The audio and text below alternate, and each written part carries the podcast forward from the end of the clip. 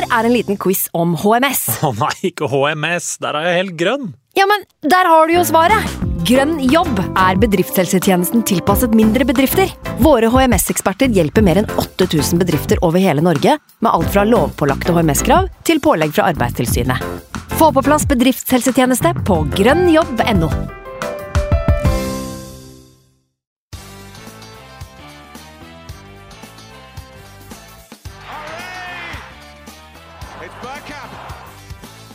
for grabs now! The next station is Arsenal. Gratulerer med dagen, er det noe som heter eh, på en sådan stund. Eh, jeg regner med at de fleste hører på det her enten 17. mai eller 18. mai. Eh, vi spiller inn eh, kvart på tolv, ser jeg, 16. mai, sånn at det er jo straks nasjonaldagen. Men jeg har aldri hatt mindre lyst til å rope hipp hurra enn det jeg har uh, akkurat nå. Um, Simen han uh, var så lite feststemt at han uh, kasta en håndkle. eh, og det er veldig forståelig. Jeg er nesten så jeg ikke forstår hvorfor jeg sitter her sjøl. jeg er redd for å bli EFTV, eh, rett og slett. Eh, men eh, vi får prøve å la være å gå, gå så langt. Eh, det er jo meg, Magnus Johansen, som styrer skuta i kapteinens eh, fravær. Eh, og med meg har vi jo den eh, beste aktergutten som finnes. eh, Han som alltid stiller opp i Salt sjø. Det er Andreas fra Arctic Gunnerpod. Um, Alle vet jo, Andreas, hvorfor vi er her, og hva som har skjedd. Um, eh, Hva er det som gjør at du ikke du ligger på gulvet og, og gråter og sitter her og skal prøve å si noe kvalifisert om Kaller rett og slett Arsenals exit av neste års Champions League? Altså, Vi snakka jo litt om det off-air her, at det her er jo noe som vi på en måte har sett litt i For å bruke enda mer eh, sjømetaforer, så vi har sett det i tåka i, horisonten. Eh, etter den Tottenham-kampen så følte jeg meg rimelig sikker på at eh, de hadde en fordel, selv om vi hadde det i våre hender. Sånn sett så, så tror jeg det gjorde ganske stor skade, det tapet der. Og eh, det viser jo egentlig kampen i dag, da. Vi, vi er egentlig ikke i nærheten gjennom 90 minutter i dag. Så at det ikke ligger i fosterstilling, er vel kanskje det der at vi har sett det her før. Eh, kanskje er det sånn at eh, følelsene bare venter til i morgen, og plutselig så, så, så sitter jeg i bilen på en, eh, en tur til Bodø i, i storskriking over Saltfjellet. Det er absolutt mulig. Eh, men eh, får tro at det går greit, og at uh, vi skal klare å komme oss gjennom det her òg. det er en prosess, og vi, vi har tatt store steg. Det er bare at det siste steget skulle være inn på toget, og uh, istedenfor så hoppa vi på sporet. Så eh, Mm. skuffende. Ja. Eh, ettersom det her er litt sånn spontant, da, så, så har vi egentlig ikke planlagt så veldig mye annet enn at vi skal snakke sammen litt. Det er en terapitime, rett og slett, det her. fordi at eh, det å gå og legge seg nå og skulle våkne opp og være for min del småbarnsfar og gå i 17. mai-tog og smile og være blid, det er helt umulig hvis jeg ikke får, får den timen på sofaen her med Andreas. Uh, og får tolke det hvordan dere vil. Men han sitter på en, Ja. helt, en helt annen landsdel. Ja, vi er det.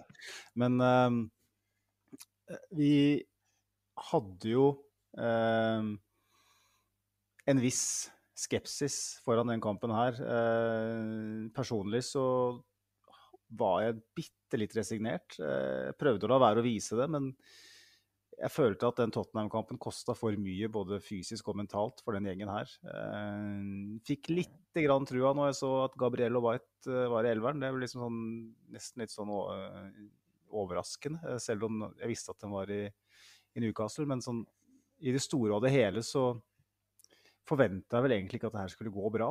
Eh, det var på en måte for mange sånne ytre faktorer som, eh, som man gjerne eh, prøver å ikke tenke for mye på. Sånn type, Det er siste hjemmekampen til Newcastle, det er flomlys, det er det yngste laget i, Premier League som skal reise seg etter å ha blitt mørbanka i, i det som på en måte kan eh, sies å være nøkkelkampen eh, mot Tottenham. Og det føltes Det er mulig det er Arsenal-psykologi, Andreas, men for meg så føltes det litt som at det her er dømt til å mislykkes. Jeg vet ikke om det er nettopp det, Arsenal-psykologi. Eh, men eh, det gikk noe som jeg frykta, og som mange andre frykta. Jeg var litt overraska over hvor god Newcastle var, det skal sies. Men eh, Um, hva, hva kjente du på av følelser eh, si en time før eh, kampstart i dag?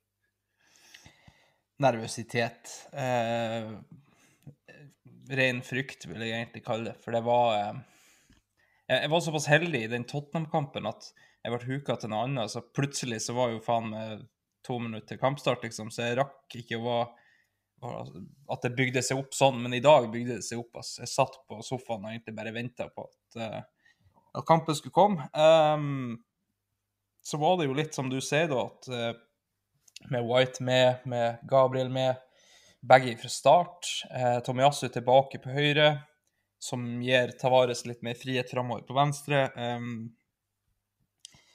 ja um, Jeg følte jo egentlig at, vi, at, det lå litt til rette til at vi skulle røyse oss igjen òg, men så er det det der at Så hvordan Newcastle-fansen sto før kamp. altså Det var veiving med flagg, og det var, det var en mm. stemning som ikke ingen kunne ha sett for seg egentlig for, for, et halvt år siden, hvis du så på hvor det lå han. Så ja, det, det Fra første spark egentlig så virka det som om vi var underlegen, eh, det her laget her. Og eh, vi så egentlig ganske så, så tydelig det med en Ramsdale som var Altså, det var, det var, langt unna det vi har sett. Han hadde ei fantastisk redning eh, både i første og andre omgang, men eh, ellers så var det mye svakt. Eh, ben White godkjent.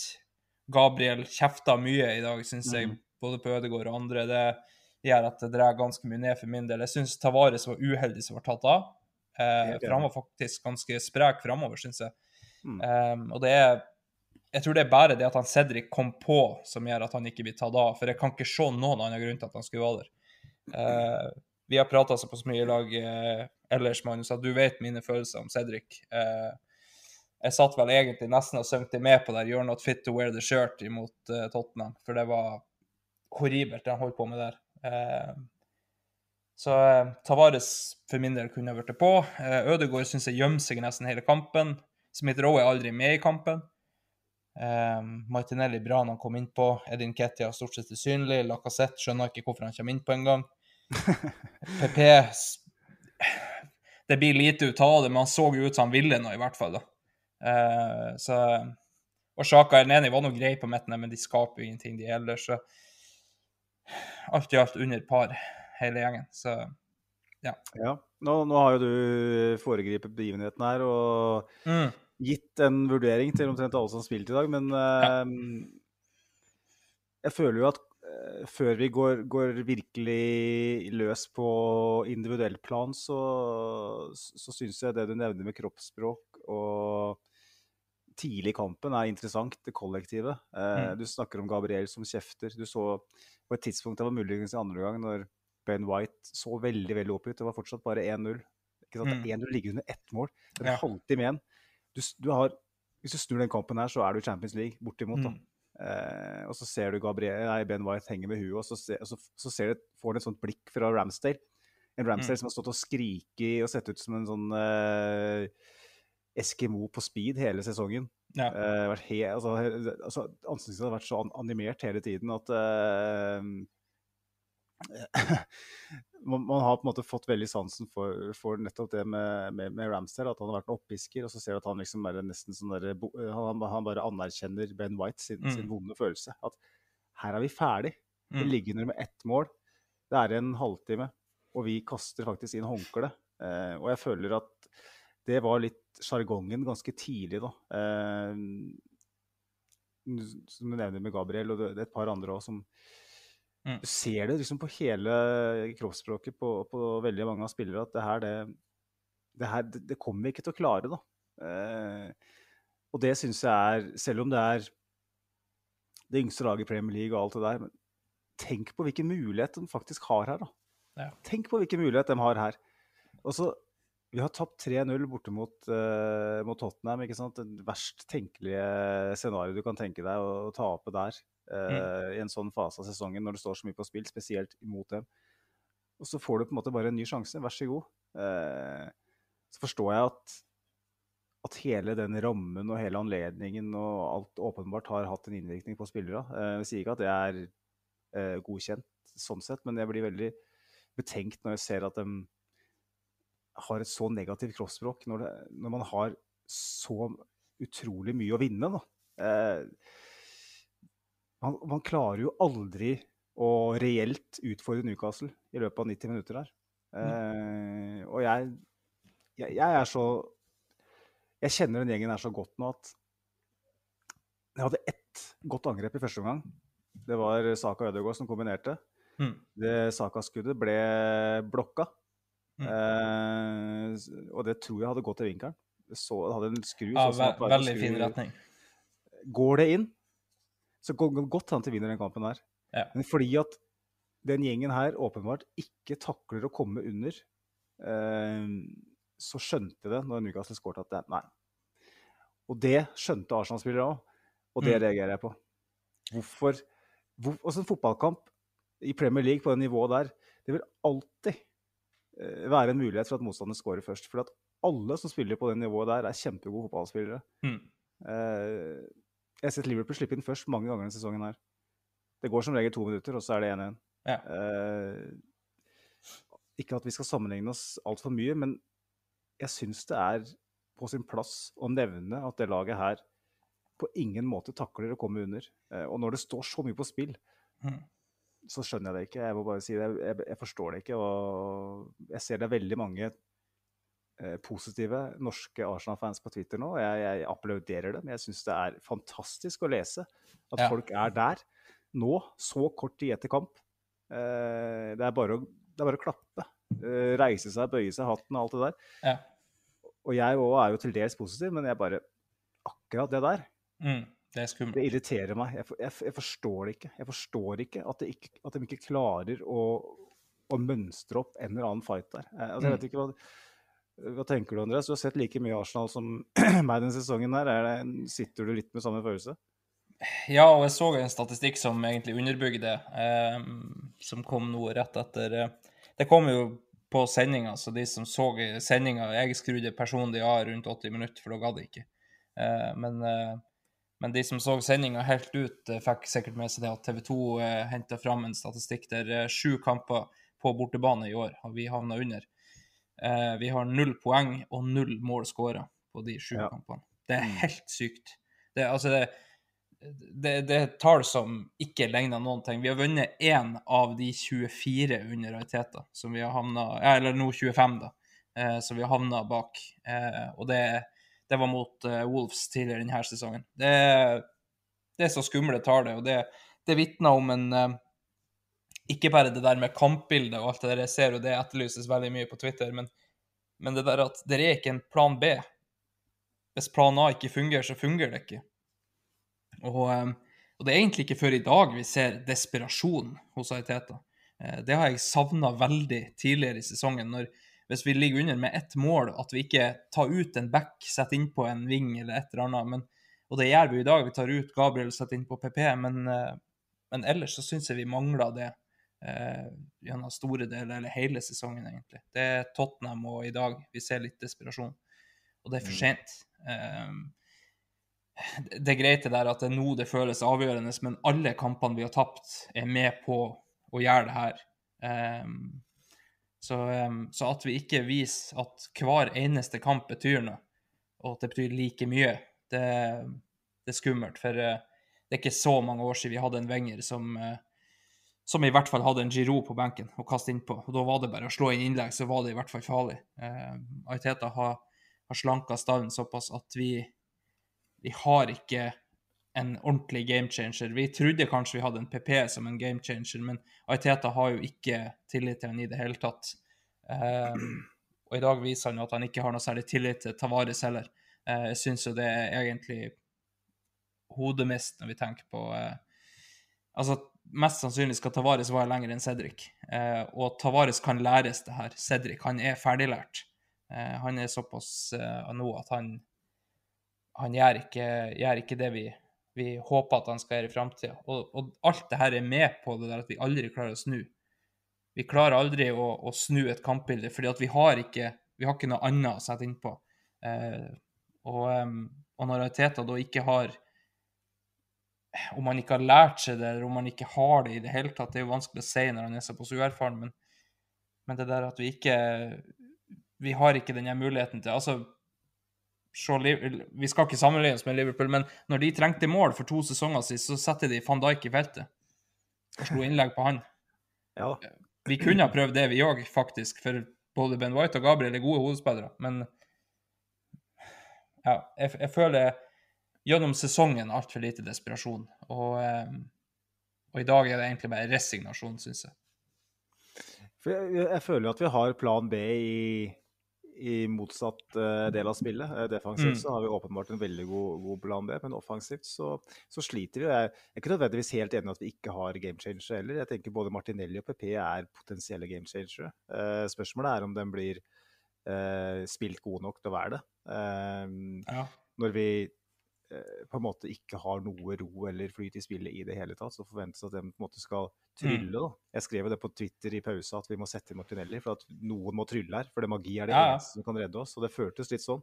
Mm. Uh, og han, han gjorde en del bra. Uh, jeg syns Smith-Roe var direkte anonym og, og svak i dag. Og forsto ikke helt hvorfor han starta heller. Kanskje litt fordi at Martinelli var sliten etter Spurs, men jeg følte at det Altså, jeg, jeg vet at det er argumenter for at uh, Smith-Roe og Tavares er en bedre match. Eh, for at Tavares skal gå på utsiden og Smith-Roe trekke inn. Og, og, og for så vidt motsatt òg. Mm. Men Martinelli er på en måte mer enn han tar større plass. da. Og, Ja, det ser du når han kommer innpå. og det, det, det er det vi følte vi trengte. da. Men, Mm. men hvor lett er det å komme inn i det klimaet der, da? Når, Mm. når Elneni får ballen på 40 meter, og så skyter han Ja. midt på, på altså, Så Nketia òg i, i første omgang. En, han får ballen i ett moment der, har med seg medspillere og bare skyter med en gang. Så må Tottenham òg. Den Mm. bare fyrer av med en gang han får ballen. Det er, det er, de er åpenbart nervøse. Uh, og så er jo det igjen det der med at det er det yngste laget i Premier League og alt det der, da. Men El Neni han er jo en av de mest rutinerte spillere på det laget her. og jeg, jeg, jeg, tror- jeg tror ikke han er den som pleier å gjøre det, men det, det oppsummerer litt hvordan mentaliteten til laget er i sånne faser. Da. Eh, jeg, tror ikke, jeg tror ikke det handler om manglende urgency, da. Eller eh, jeg tror det handler om at de er usikre og nervøse i, i sånne situasjoner. Jeg, og her har Arteta og Arsenal en, en stor jobb foran seg for å roe ned spillere. Jeg vet du har snakka litt om det der. At eh, Mm. uh, inngang mot Spurs f.eks. At, man- at man ikke er roligere. eh, at, man, man, at man er så stressa. eh, når man på en måte er i, i faser av spillet hvor man kan gjøre noe progressivt. Og det, det føler jeg igjen i dag at ja. når man, man tar ikke vare på de, de mulighetene i det hele tatt. Da. Man, man har én sekvens der med Saka Ødegaard, som er nevnt, Mm. som, som det lukta litt fugl av. Eller så var det bare å stresse og tråkke på ball, eh, fyre av fra 20 meter. Eh, eh, ja, generelt bare ta feil avgjørelser da, hele veien. Mm. Og da det er klart Når man holder på sånn og mister ballen hver eneste gang man prøver å skape noe tidlig, eller bare gi fra seg ballen med en gang man får den, så blir det momentum Newcastle, ikke sant? Vi er med på å skape det momentum. Det er ikke bare de flagga og den atmosfæren og det flomlyset. Det er Arsenal også som ikke klarer å ta vare på mulighetene sine. Som tenker seg om tre-fire ganger før man slipper ballen. Så det var en eh, situasjon med, med Nketia, i, jeg lurer på om det var første gang òg. Plutselig så hadde han masse tid. Kunne Mm. bare sette fart framover. Og så hadde han eh, Smith Roe til venstre, og så hadde han vel en, en, en, en spiller til høyre. Jeg vet ikke helt hvem det var. Og så ender han opp bare eh, blir spist opp. Han blir spist opp. For at han, han bruker altså fire-fem touch før han Mm. gjør noe. Og det er sånn Når vi tar så dårlig, eh, dårlig vare på, på ballen da, og på mulighetene, så, så er jo det lillefingeren, hele hånda, hele armen, hele kroppen til, Mm. til Newcastle. Så det, det må jo bare ha blitt oppglødd av å se hvordan Arsenal håndterte ball. Og på en måte blitt smitta og påvirka ytterligere av det narrativet som skrives om Arsenal, som er i dag helt korrekt. Eh, akkurat i dag så er det helt korrekt, det, Mm. det folk sier om oss. Ja, eh, mot Spurs syns jeg ikke det var korrekt. Det var vi like mye uheldige som vi var udyktige. Eh, I dag er vi bare udyktige. Eh, vi har ingenting å skylde på i dag. Der er, vi, vi hadde egentlig de spillerne vi trengte. Vi hadde alt som lå til rette for at, at vi skulle kunne gå ut. Og så gjør vi egentlig litt det motsatte, syns jeg. Altså, hvis jeg har bytta kampinngang da, i dag og Mm. Spurs, Mm. så har antageligvis topp fire vært sikra. For imot Spurs så virker det som Mariteta har gjort de klar for en krig. Eh, vi skal ut på det og gjøre det som, som Liverpool og City ikke klarte. Eh, vi skal spille ut Tottenham. Eh, og har, Vi har prata veldig mye om det off-air, og det ordet som går igjen i hodet mitt, og det er arrogant. For det er det det er. Eh, vi har sett Tottenham og City, nei, sorry, Liverpool og City eh, ta poeng imot Tottenham fordi at de prøver å spille rundt. Og det er Ja, når vi da skal stå der og se at det her kan vi bedre, og så skal vi gå ut og spille ut Tottenham-lag, det, det går ikke. Og da så kommer vi utpå egentlig mot Newcastle i dag og gir det initiativet fra starten av. Eh, og som du sier, vi, vi roer aldri ned. Vi, vi, tar oss ikke tida til noen ting. Eh, og, eh, og, når vi plutselig har litt grann tid Jeg syns Sjaka har jo et bra driv der, eh, mm. som setter opp en, en bra Nketia-sjanse, men, men, som vi ikke får noe ut av. Eh, så har vi eh, ellers ganske lite. For, for, det vi er gode på, det er det, ja, overganger det er vi veldig gode på, men vi er gode på det der å bruke tid. Eh, hvis vi får lov å spille oss opp, så har vi sett det her Arsenal-laget lage noen fantastiske skåringer. Eh, mm. Men i dag evner de ikke det. De evner ikke å ta det med ro. Og um, det, ikke, det kan ikke være noen annen forklaring enn at det er, det er the occasion og det er presset som, som blir for mye. Og um, det er ulempen med unge spillere, men uh, samtidig så har vi vi har nok av spillere som har hatt Altså, vi har jo masse spillere, i, eller flere spillere her som har vært i nedrykkskamp. Uh, de har hatt større press enn det her på seg. Så um, det er litt rart at det er ingen som evner å, å stå opp og si gutta, vi må roe ned. De, de, går heller sånn som Gabriel og kjefter på Ødegård. Um, sånn som Ben White og henger med hodet, eller uh, Ramsdale som bare Ja, jeg er òg lei. Uh, ja, så, stemmer. Det, det, er liksom sånn Det er så uforståelig, egentlig. Um, og uh, i dag syns jeg egentlig vi savner litt den gamle Sjaka. Uh, vi savner en Sjaka som bare gir faen og, og klipper ned en kar og røyser seg opp og brøler at 'neimen, for faen, her må vi ta tak'. Um, han har blitt utvist, vet du. jo, men Uansett hva han gjør, så det er, det er liksom Hvordan forskjellig er det i dag? Eh, du får i hvert fall gira opp spillerne litt. Nkete hadde jo en eh, variant der, da, men uh, jeg var sikker på at hun skulle bli utvist. Som viste ikke repriser av Albu engang. Nei, men, og han, den reprisen vi fikk se, der, der var jeg jævla usikker på om han traff han i det hele tatt. Jeg, det nesten så jeg lurer på om det var mer uh, whiplash der. at han, For han sneia ryggen og skuldra hans. Og da tror jeg han får en ganske stygg knekk på nakken.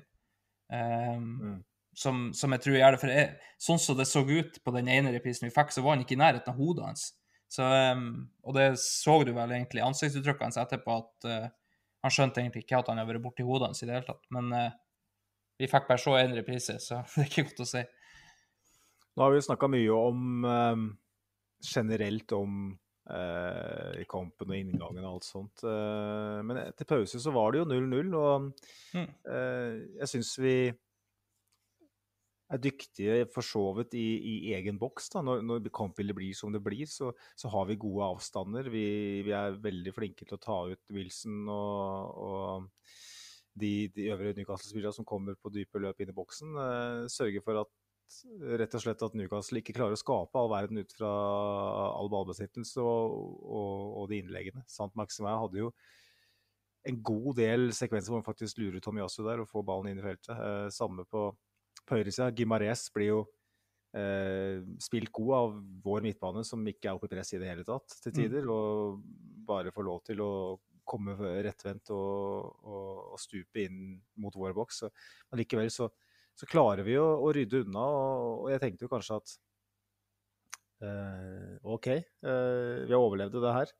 Nå får vi en ny mulighet til andre gang. Det er 0-0, ikke sant? Eh, følte du på noe tidspunkt i i starten av andre omgang at, uh, at noe an annerledes uh, var på gang? At, at, at, laget på sett og vis hadde fått noen nye instruksjoner, eller følte du at man gikk ut med samme kroppsspråk, samme spillestil, samme For vi så at du gjorde et bytte allerede etter seks minutter med Martinelli for Smith-Roe, som er på en måte et tydelig tegn på at mm. det vi har snakka om i pausen, det funka ikke. Nå må vi allerede gjøre et bytte. Um, bare tenke på det vi om, i lys av det vi snakka om, om evnen til å endre et kampbilde. Altså, jeg så litt mer vilje kanskje til å, å ville framover. Eh, De fikk jo sydd sammen noen, noe pasninger og litt flere trekk. Eh, og målet, det første målet deres kommer jo egentlig når vi, når vi nesten er på tur og kjemper oss inn i kampen igjen. Når vi nesten får til å spille oss helt ut. Eh, og det tror jeg er derfor vi slipper oss opp òg. Eh, vi Mm. begynner å slippe litt fordi vi føler at vi kanskje er litt på vei inn i kampen. Men vi var fortsatt shaky bakover. Eh, akkurat det første målet der er jo Jeg sa det når, Tom, når Tomiyasu måtte av, at det her blir avgjørende. Jeg sa det når Cedric eh, spilte mot Tottenham òg, at han blir avgjørende i dag. Eh, og når han kom innpå, så så går han i Han gjør for så vidt det rette, han følger mannen sin, men han går i et halvpress på deres banehalvdel. Eh, noe jeg er ganske sikker på Tomiyasu ikke hadde gjort. Han hadde falt av der. Eh, fordi at Sant Maxima er ikke farlig på sin egen banehalvdel, og da, med mindre du åpner et sånt rom bak han. Eh, og det gjør vi jo egentlig der når Cedric forlater eh, posisjonen sin så heftig. Mm. Men fram til det så føler jeg egentlig vi er litt på vei inn. Eh, det er liksom noen sånne små sånne eh, sekvenser på Spesielt på venstresida syns jeg vi ble bedre med at Martinelli kom inn. Eh, det var tydelig at, Newcastle tok mer hensyn til han enn de gjorde til, eh, til Smith-Roe, som gjorde at de andre der fikk litt mer rom. Plutselig var det rom for Sjaka og Elneni og Tavares til å kombinere. Eh, det var det ikke i første omgang. Så, så har nok de fått litt andre instrukser og uh, midtbanen vår. Um, jeg tippa det var det kjeftinga til Gabriel gikk på i første omgang, at, at som du sier, Guri Marius får lov å komme helt alene. Gang på gang på gang. Mm. For det, det er jo tydelig at det er jo noen som ikke følger mannen sin der. Uh, så Men vi var, vi var litt bedre, syns jeg. Bitte, bitte litt. Men aldri i nærheten av at jeg trodde vi skulle ta det. Det, det var vi ikke. Eneste sjansen jeg følte vi hadde, var kanskje å holde nullen og så få en corner eller et eller annet. For det var jo litt sånn at vi fikk på en måte en, et nytt liv. Eh, Mm. Jeg var som en katt som hadde brukt opp en tre-fire liv allerede. Eh, Det var jo Mm. bare marginer som gjorde at vi ikke lå under til pause, for så vidt. Selv om sjansen Newcastle ikke skapte var store, så var det detaljer oppbyggende som gjorde at Ja. det kunne fort ha vært en del større sjanser i den omgangen. Og det hadde jo ikke vært noe å si på om Newcastle hadde leda, både med ett og to mål. Um, men uh, vi har jo snakka allerede om det der med, med kampbilde og sånt nå, men vi har fått en del reaksjon på Twitter om det. For det, det, det engasjerer, og det forstår jeg. Um, Absolutt.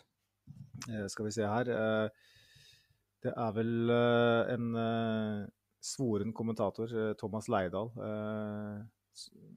for Arsenal Station Pod. Han skriver Hvorfor klarer ikke Arteta å endre et kampbilde? Føler vi har sett dette gjentatte ganger denne sesongen. Tamp fra start til slutt. Og det er jo nettopp det vi sier. Så for så vidt svart på det. Eh, Og så blir det litt fyr her faktisk på Twitter. Dere kan gå inn og lese det selv.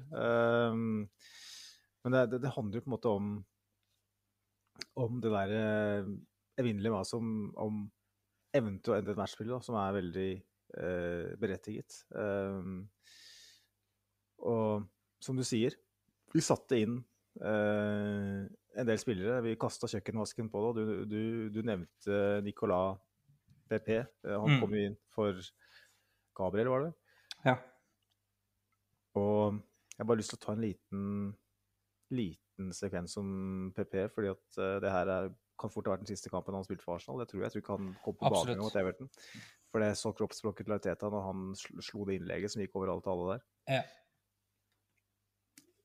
Jeg forstår at han føler seg oversett, eh, ignorert. Eh, gjorde en god figur i, i Afcon. Eh, kom tilbake, skåra mot Wolverhampton. Og så bare Sorry, du er ikke med i planene mine, men allikevel. Den Trashov-pasningen eh, først der. Mm. Eh, så slår han innlegget. Eh, nå på en måte har sydd seg for så vidt gjennom på høyresida der, endelig satt Mm. opp én mot én. Så bare slår han det ut i et gap av, eh, av gress eh, bak uh, krittlinja. Mm. Tror du Jeg bare sier med en gang at den poden her den er spontan, så det er ikke noe, ikke noe struktur her i det hele tatt. Beklager det. Men uh, tror du PP er ferdig nå? Ja. Um, hadde vi hatt noen andre, så tror jeg nesten han hadde vært ferdig i januar. Uh, for uh, det, har, det har vært så tydelig hele veien at han er ikke Aitetas kopp te. Uh, han sløser for mye. Og så er det Jeg personlig har et spesielt hjerte for sånne spillere. De der som, som gjør noe av ingenting, og den her venstrefoten hans er sånn som, som vi har drømt om egentlig i flere år etter at Alexis Sanchez for. Eh, og sånne spillere altså, Enkelte lag må ha sånne spillere, sånne som sløser mye, men som er avgjørende. Eh, problemet er bare at det har vært altfor mye sløsing og altfor lite avgjørende. Og så Ingen er perfekt her. PP er ikke perfekt, for han har, han har delvis ikke klart å fylle noen av, av kriteriene og noen av instruksjonene han har fått av Aiteta. Og uh, Aiteta er i hvert fall ikke perfekt. for vi, egentlig den Arsenal-karrieren til PP ødela han når han signerte William, og da fikk vi nevnt han i, i kveld òg. Eh, men jeg tror vi ødela så vanvittig mye der, for da hadde han hatt en fantastisk avslutning på sesongen, og så, så henta vi inn en som egentlig var Ja, eh, vi trenger egentlig ikke prate noe om han, eh, men, eh, men det har vært så tydelig egentlig hele veien at, at han ikke stoler på PP. Jeg tror han, jeg tror han anerkjenner talentet, jeg tror han anerkjenner potensialet, men han stoler ikke på han. Og da, da kommer du ikke langt i Aiteta sitt lag, for han har ikke rom for sånne. Um, Wenger hadde flere sånne. Han hadde en Ødsel som ikke trengte å jobbe bak. Eh, han hadde en Sanchez som mista ballen 17 ganger per kamp, men skåra tre mål. Eh, så det, det er liksom det der Det er enten-eller, da. Enten så må du slippe sånne løs, eller så, så må du slippe de en annen sted. For, eh, for eh, PP kommer aldri til å fungere i et rigid system, og det er det Ariteta vil ha. Og da, da er nok han ferdig. Eh, jeg er helt enig med deg, vi ser han ikke imot Everton. Det tviler jeg på. Nei, det Da- tror ikke jeg heller. Da er det heller Hutchinson eller Patino eller altså noe sånt som kommer inn. Eh, litt avhengig av hvordan stillinga er i, i Tottenham-kampen, så klart. Men så lenge de gjør det de eh, alle forventer at de skal gjøre, så, så har ikke de sluttminuttene noen ting å si, og da kan vi like godt sette på noen unggutter for å få noen minutter. Da. Så fikk vi jo 2-0 der, og da var det jo i praksis eh, over. Og jeg tenker vi kan Jeg føler at den kampen her har vi allerede på en måte omtalt. Om ikke i detalj, så har vi på en måte omtalt eh, Nok. eh, nok. Og ikke minst på en måte vi har tatt det store bildet matchmessig. og Mm. eh, Det er mer interessant å se litt på hva folk eh, skriver til oss på sosiale medier. for at det, det som, som jeg nevnte, veldig mange som er positive. Eh, blant annet Vegard Tønder Pettersen skriver at da ble det ingen eh, Champions League neste sesong, men herregud, vi må ta, ta med hvordan vi lå an etter de tre, tre første kampene. Mange monumentale kamper, oppturer og ikke minst nedturer. Stolt av vårt juniorlag. Um, og det er jo uh, den attituden jeg håper jeg har uh, etter å ha spist åtte is i morgen og 14 pølser uh, på 17. mai. Um, men vi har jo eh, din litt mer negative òg, som kanskje er vel så interessante sånn sett, for det er litt mer å svare på. Um, Hedley BN på Twitter, han skriver uh, 0,42 i XG i en must win-kamp. Hadde selvsagt tatt femteplass før sesongen, men måten årets sesong utvikla seg på, så føles dette enormt tungt. Vi trenger en enorm sommer, men hvilke kvalitetsspillere kan vi få i nå uten Champions League? Med så mange om beinet i, i Premier League. Og det kan vi ta litt senere, tenker jeg, hvis vi rekker det, Andreas. Det med Mm. ikke spillere osv. Men um, nå må vi jo ta, ta høyde for at større under har skjedd enn at Tottenham har rota det til i siste runde. Så vi skal på en måte ikke Ja heise jeg, jeg, jeg har heisa mitt hvite flagg for lenge siden, og det her svaier Ja, i vinden. Men jeg tenker sånn kollektivt sett, som, som supportergruppe, så, så må vi på en måte eh, gi- altså, sørge for at Arsenal får den backinga mot Everton som, som fortjener. Og, og, og forhåpentligvis vinner den kampen. Så får vi bare håpe at uh, Harry Kane får sitt første røde kort, uh, kanskje, uh, mot Norwich eller et eller annet. Um, men Hvem vet? det det store spørsmålet er liksom Hva nå, på en måte? Mm. Hva betyr det her for det her For denne her prosessen. Nå var jo topp seks målet, Mm. og vi klarer femteplass. Eh, Vi er på, bortimot foran skjemaet, hvis man kan se sånn på det. Eh, Samtidig så, så er det ingen tvil om at eh, topp fire denne sesongen her var mye enklere enn det vi så for oss. Manchester United har sett ut som en bøtte med møkk hele Mm. sesongen. Og havner potensielt under 60 poeng med Cristiano Ronaldo som spiss. Det er jo helt spinnvilt. Og Cristiano Eh, Ronaldo oppe i toppen på toppskårerlista. Ja. Det er helt sykt. Tredjeplass er han vel på. Leicester ligger nede på Hva er det? 13.-14.-plass eller noe sånt. Mm. I hvert fall langt nede. Mye skada. Eh, Som var en av de lagene vi så for oss. Og så er det det Tottenham-laget som ikke klarte å ha en avslutning på mål mot Brighton og Brentford over 180 minutter for en måned siden. Mm. Så det spørsmålet er jo da hva nå, på en måte? Er det, er det lov å være skuffa over at vi ikke klarte å ta den muligheten, men samtidig fornøyd med at vi klarte målet? Eller hvordan ser du på det? Å ja da. Eh, det er absolutt lov. Vi, eh, vi snakka jo om det i forrige Statements-episode, der, eh, der jeg og du og Marius eh, diskuterte om det var en, en, en fiasko at vi ikke fikk topp fire. Eh, og der sa vi jo egentlig det at de forventningene må oppdateres etter hvert. Eh, og med det utgangspunktet vi hadde i august og september og oktober, så er det klart at den femteplassen Hadde noen tilbudt oss det da, så hadde vi bet av det i handa. Men, men eh, med det utgangspunktet vi hadde for en måned siden, eh, så er det en ganske stor skuffelse. Men prosjektmessig så er det her omtrent der vi er. Vi skal være veldig fornøyd med en femteplass, for, for det, er, det er stort for en så ung manager, en så ung spillergruppe. Men, men litt skuffa for at vi ikke, vi ikke klarer å stå det helt ut. Um, og så har jeg en, en kjempe-unpopular opinion, men Kjør. jeg er faktisk ganske imponert over lillebror. For de var jævlig langt bak, de òg. Og det var lenger ute i sesongen enn det vi var. Uh, og de Nå etter alle solmerker så tar de det her. Og det er så jævla mange som sitter nå etter altfor mye is og brus og pølse og, og så og eh, sikkert blir ganske forbanna for at en Arsenal-fan kan se noe positivt med, med lillebror, men det er Altså, at vi skal sitte her og si at jammen se etter tre kamper eh, De har bytta manager midt i sesongen og, og lå vel så langt bak som det vi gjorde. Så det er like imponerende, det. Men det er med ganske tungt hjerte at jeg sier det. Det skal sies. Det er ikke noe jeg eh, nyter å si i det hele tatt. Og det, og det her er etter eh, Det her er vel min femte mango-ipa. Den er er ganske såpass, ja. Så Ja, ja, ja. men um, det, altså, det, for det er sånn det er. Vi, vi må, vi må stikke fingeren i jorda og se hvor de var hen òg. Men Mm. absolutt lov å, å være skuffa, for det var vi som hadde det. Eh, nå ser jeg at Sjaka har gjort et intervju òg etter eh, kampen, der han var eh, ganske skuffa.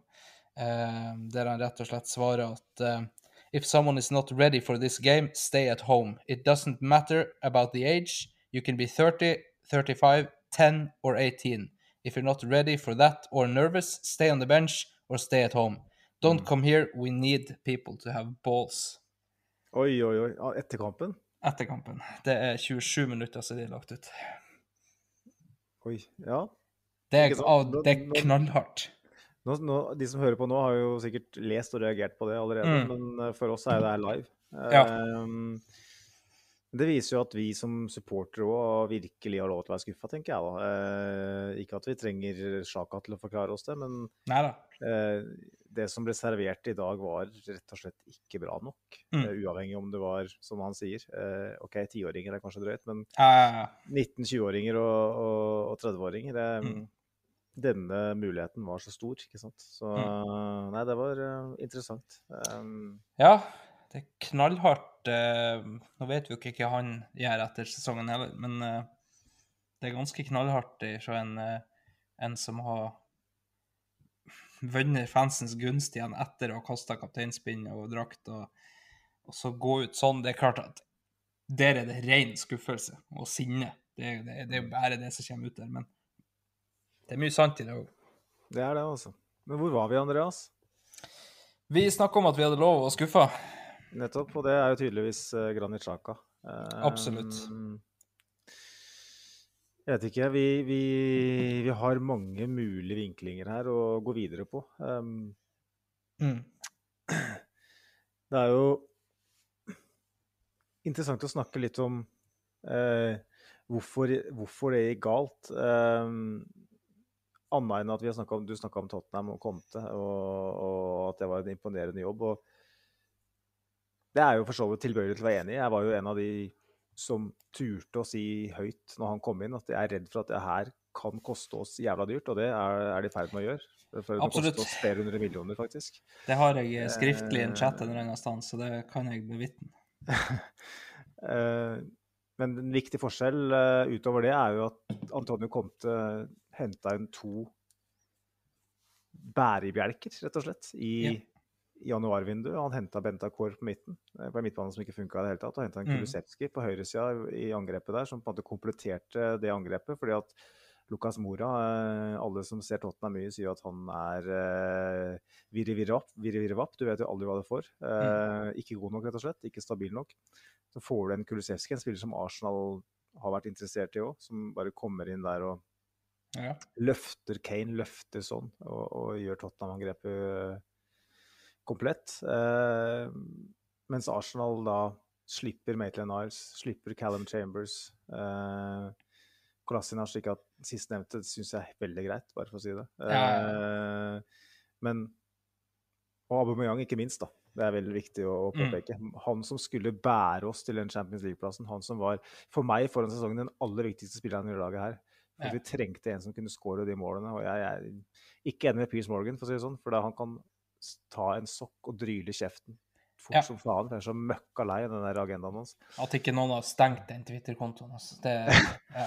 Men det er et poeng der, da. Mm. eh, som ikke handler om Aubameyang, men som handler om eh, nettopp det å ha den spilleren. eh, det alternativet. Eh, Mm. Og ikke bare på topp, men generelt. Vi har skrytt uhemma av Mohammed El-Neni eh, for den jobben han har gjort for Eden Ketia, som har skåra et par matcher. Eh, Rob Holding har jo vært Jeg har jo nesten oppheva han til en gudeskikkelse i denne poden her. Eh, og jeg står for det, for at jeg mener Ja, ja, ja, jeg mener at Rob Holding, når han får den spesifikke jobben med å Mm. være i en dyp blokk, så er han en av Premier Leagues beste spillere. Ja. Det er ikke kødd engang. Nei, nei, Men når, når han skal opp og jage sånn eh, på midtbanen, så er han åpenbart en av de dårligste stoppere i Premier League. Ja. Det, det skjønte alle, eh, bortsett fra et entall. Eh, beklager at det blir litt sånn usaklig her, men det, Nei, men det er fryktelig naivt. Ja. Men eh, poenget mitt var jo Gikk det toget litt i januarvinduet? Er det nå kyllingene kommer hjem for å beite, eller hva man sier i oversette? ja, det det er jo egentlig det. For vi eh, Vi snakka jo om det etter januar, både på og utenfor eh, podding, jeg og du, Magnus, at, eh, at vi hadde vanskelig for å tro at det ikke fantes noen der ute. Én som kunne komme inn og skåre noen mål. Eh, nå var det jo rykter om, eh, om flere som var tilbudt oss på lån, som vi etter sigende takka nei til. Nå vet man jo aldri hvor mye hold det er i det, men eh, så jeg jo enig deg at, med deg at uh, Piers Morgan som sier at vi skulle beholdt Aubameyang Altså, det blir det samme som å si at vi skulle beholdt Øtzil. For det, det var så giftig, det der eksempelet der, og det var så tydelig at der var ikke noe vei tilbake. Eh, så kan man jo kritisere at det gikk så langt i det hele tatt, men det var så tydelig at Aubameyang han var ferdig egentlig med klubben. Eh, og da blir det giftig, og det ble det i Dortmund, og det ble det i Arsenal nå, og det, det er greit å kvitte seg med alle. Eh, men vi skulle ha henta noen i stedet. Eh, av de vi slapp, så syns jeg jo Maitland Niles er det rareste. Eh, Med de skadene vi hadde da, eh, med de skadene som vi var redd for å få, for allerede da hadde jo eh, visstnok Tomiyasu spilla med litt vondt en stund. Eh, og vi vet at Tomiyasu og, eller, og Party og Kieran Tierney er skadeplaga. det, det gir så jævla lite mening å slippe en som kan bekle alle de tre rollene. Eh, han kan spille på midten, det er ikke den beste posisjonen hans, men han jobber i hvert fall. Eh, han kan spille på begge backene. Og, eh, og det har vi betalt for, men i aller størst grad har vi betalt for at vi ikke henter en målskårer. For uansett hvor bra en Ketty har vært, uansett hvor bra Lacassette var i det oppbyggende, så, så er det mål vi mangler. Eh, vi, har, vi har klart oss bra defensivt, og, eh, og det er mål vi mangler. Så eh, Nei, jeg, har så vanskelig for å tro at det ikke fantes noe mer enn Edin Ketty og Lacassette. Um, om så på lån i seks måneder. Det hadde ikke vært nøye. Mm. Nå, nå, nå, nå, renner du inn reaksjoner på sosiale medier, selv om klokka Mm. nå faktisk er halv ett. Vi er, nå kan vi offisielt rope hurra. Jeg kommer ikke til å gjøre det. Jeg kommer ikke til å gjøre det. Jeg kan gratulere med dagen, det kan jeg gjøre. Men uh, lenger enn det går jeg ikke. Uh, og reaksjonene går veldig mye på eh, stallen. Eh, Mm. Henrik eh, at Hegsevolden på Twitter han skriver var rett og slett ikke gode nok. Føler at det viser at vi mangler rett og slett litt bredde i troppen. Veldig surt å tape, men vi tror, vi tror vi alle kan være enige i at denne sesongen ble veldig mye bedre enn det vi frykta etter tre runder i høst. Eh, det kan vi for så vidt, det siste kan vi jo snakke om herfra til evigheten, men vi er jo inne på den debatten om eh, bredde i troppen. da. Og Mm. Det som jeg syns er litt betimelig, Andreas, er at vi har spilt historisk få kamper. Eh, altså med tanke på hvilken tidsalder vi er inne i, med, hvor man gjerne er med i tre-fire turneringer. Eh, Arsenal er nesten alltid med fire. Det er første sesongen, vel. Eh, på over 20 år at vi ikke er med i fire turneringer. Mm. Allikevel så så har du en Ben White som har spilt med, med skade i, i ja, mange uker før han til slutt måtte kaste en håndkleet. Eh, du har en eh, Kieran Tierney som eh, dessverre er laga av porselen eller et eller annet. Han er jo alltid skada. Du har en Thomas Party som ikke tåler, tåler den påkjenninga. er har en Tomiyasu, som blir skada igjen. Mm. Eh, selv om nå virka som det var baksida av lår den gangen her, kanskje. Han drev og testa kneet, Ja. så jeg vet da faen hva det var for noe. Men jeg skal ikke gå inn på det, det med at vi henter spillere som ikke tåler kjøret, men er ikke det det aller tydeligste tegnet på at den stallen her er tynn? At selv med så få kamper, så takler ikke eh, Så, blir nøkkelspillerne våre eh, skada og sluttkjørt og ferdig. Du ser Saka òg, som han er, han er jo på sine siste meter nå. eh, i Han har, hatt, han har hatt noen småproblemer lenge. Det, det syns jeg vi har sett. Sammen med Smith Rowe. Han òg har, han har mista et eller annet i gamet sitt etter mars, egentlig.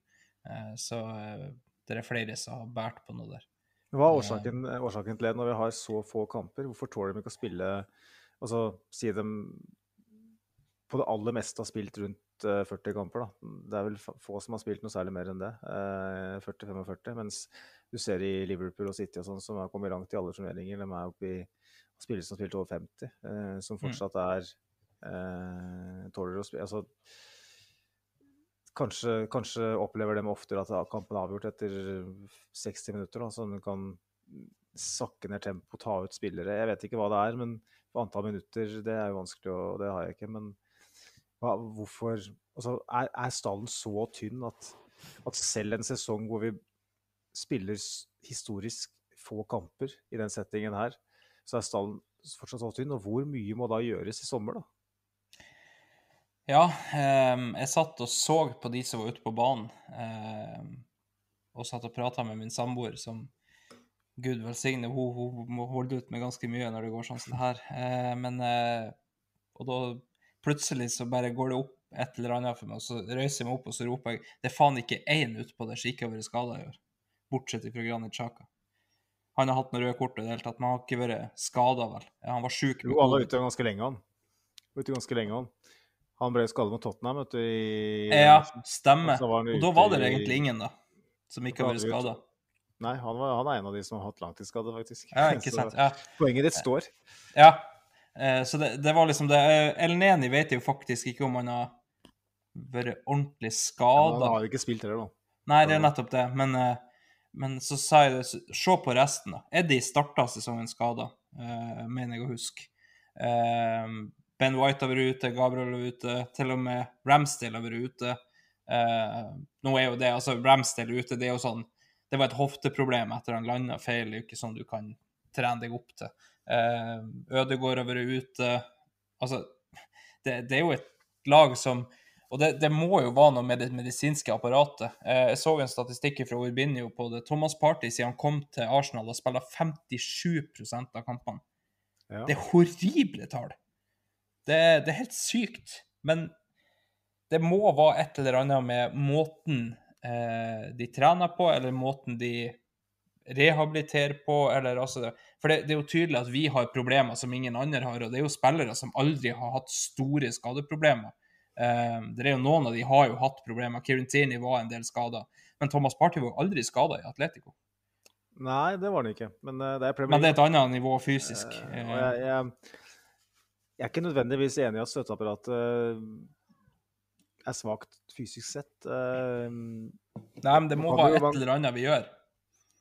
Kanskje. Jeg vet ikke om det er treningsbelastningen eller hva det måtte være, men jeg føler at som klubb så har vi tatt en del steg eh, i riktig retning når det gjelder skader. Ja da, ja da. Eh, Vi er jo vant til at uh, sentrallinjene våre er ute eh, når det virkelig Ja. gjelder. Og det har det egentlig vært nå.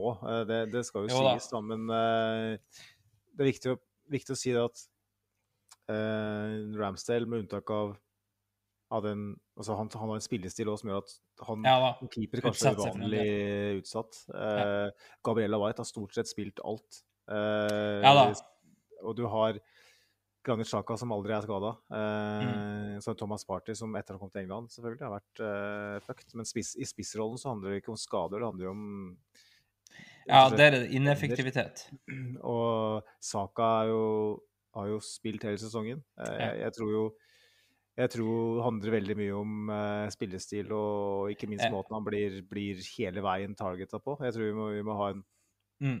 vi er nødt til å ha en uh, et offensivt som kanskje ikke er så høyreorientert, som gjør at eh, motstander har flere spillere å forholde seg til.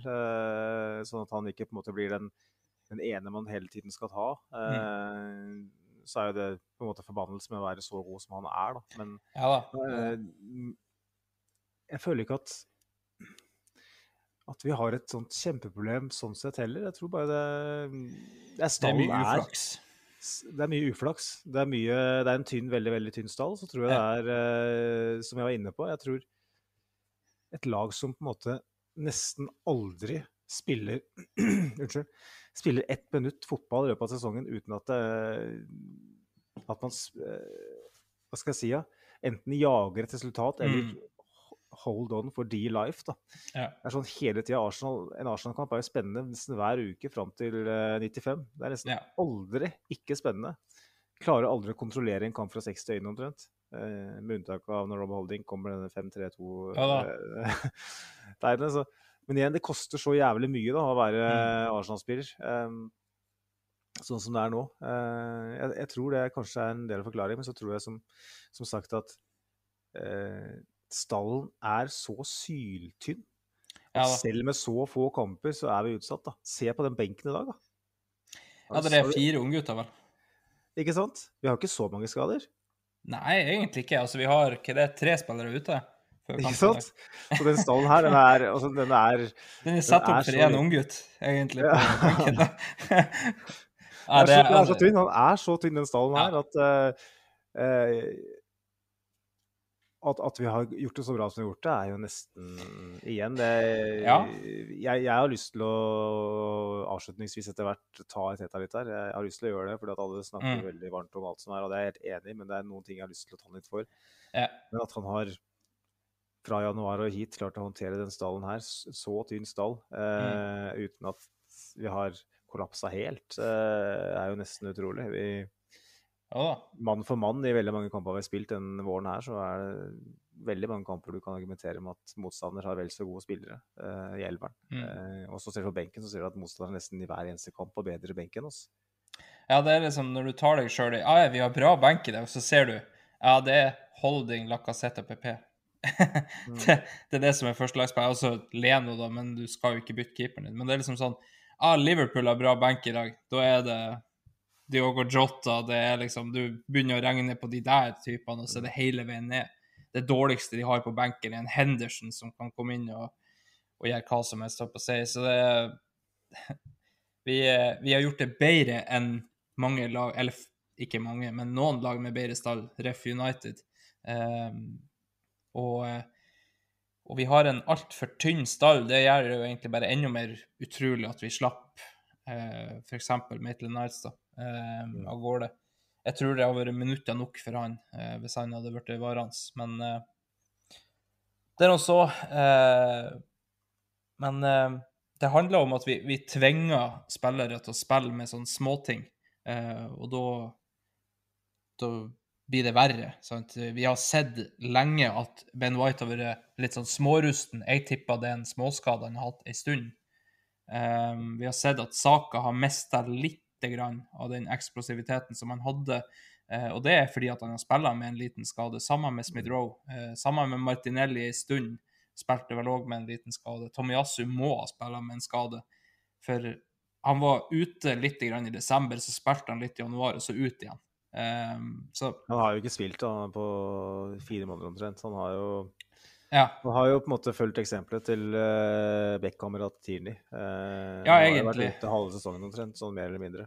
Vi, og der, der, var det fordi vi tvinga han tilbake litt for fort, tror jeg. For det var, altså, det var jo den andre leggen han ble skada i etterpå, da. Men, men altså, det der kanskje ikke helt 100% klar. For han spilte vel én kamp i januar, og så var han Mm. ute igjen.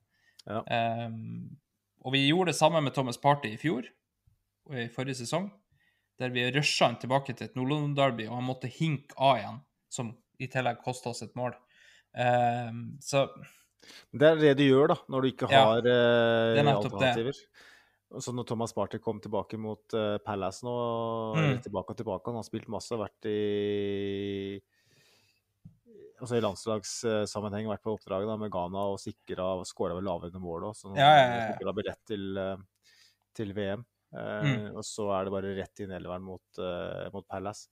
Ja. Og så ryker vel uh, hamstringen hans der, og mm. da er det fucked, da. ja, det, Hadde, hadde, altså det her er et viktig poeng, faktisk. mm. Så tynn er den stallen her at, at Arteta følte seg tvunget til å gjøre det da. Eh, Ja. Selv om han stoler på Elneni som en sånn eh, nødløsning, så, Ja. så er ikke Elneni bedre enn at, eh, at Arteta er villig til å Mm. nesten kjøre Party på ei tå kontra ja. Eleni på ti. Eh, fordi at Thomas Party hadde så stor betydning for måten vi, vi spilte på. Men Ja, ja. Fordi, fordi, fordi at han følte seg tvunget til det, så endte det med at Thomas Party eh, røk mot Palace og ut Mm. resten av sesongen. Jeg tør å påstå det. Hvis Arteta hadde hatt litt mer is i magen da Jeg skal ikke, jeg skal ikke ta den så hardt for det, for jeg hadde sikkert gjort det samme.